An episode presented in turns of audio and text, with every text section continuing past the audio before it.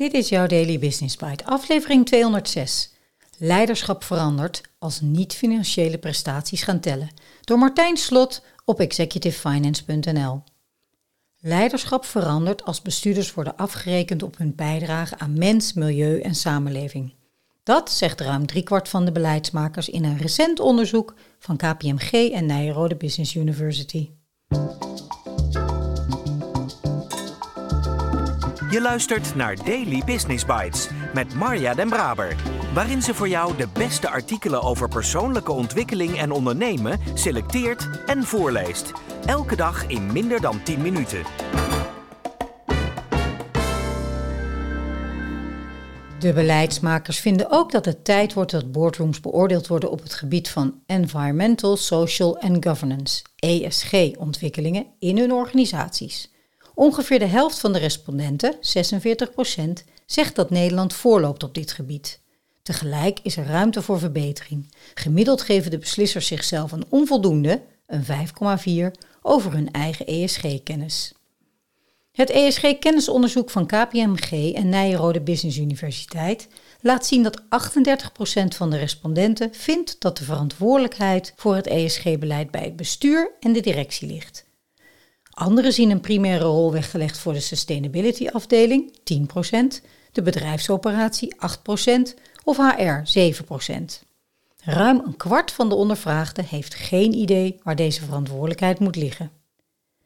ESG staat wel op de agenda, maar er moeten nog veel stappen gezet worden. Business leaders weten vaak niet hoe ze het moeten aanpakken. Zo zegt 78% van de ondervraagden dat gebrek aan kennis een bedreiging vormt voor de route naar een volledige duurzame economie, zegt Jessica Peters-Hondeling, directeur Executive Education bij Nijrode en medeoprichter van het ESG Innovation Institute. En ruim 6 op de 10 beleidsmakers zegt daarbij dat ESG-beleid voor hun organisatie nog in doelstellingen en de eerste stappen blijft hangen. Dat is precies de reden waarom wij in het ESG Innovation Institute investeren en in academisch onderzoek en in het ontwikkelen van executive programma's waar leiders van en met elkaar leren hoe ze de ESG-transformatie kunnen aanpakken. Bij duurzaam ondernemen wordt vaak als eerste aan het milieu gedacht, maar ook de gezondheid van medewerkers, inclusiviteit binnen de organisatie en ethische bedrijfsvoering vallen onder het ESG-beleid, zegt Stephanie Hottenhuis, CEO en voorzitter van de Raad van Bestuur bij KPMG Nederland. Het is volgens haar belangrijk om niet door wetgeving, maar door eigen strategie gedreven te zijn en van daaruit ESG-beleid te ontwikkelen. Want dan transformeer je als organisatie echt. Daily Business Bites met Marja Den Braber. Je luisterde naar Leiderschap verandert als niet-financiële prestaties gaan tellen door Martijn Slot. Grappig dat ik vaak onbedoeld in een week toch een thema oppak. Daar waar Floor de Ruiter eerder deze week al aangaf dat alleen bottom-up werkt, is hier ook de tendens dat ESG-beleid niet door de wetgeving, maar door eigen strategie gedreven moet zijn.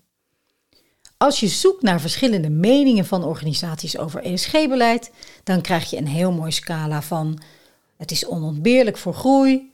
Het is gedoe en regelgeving. Het is alleen maar PR. Het is een morele plicht. Tot het is een groot concurrentievoordeel. En dat lijken de cijfers dat ruim een kwart van de ondervraagden niet weet wiens verantwoordelijkheid het is in de organisatie te bevestigen. Hoe geef je dit een plek binnen allerlei andere transformaties en transities die in organisatie en maatschappij moeten gaan plaatsvinden? Eerlijk gezegd eigenlijk geen vragen zo vlak voor het weekend. Maar ik geef ze toch maar even mee. En ik spreek je graag maandag weer.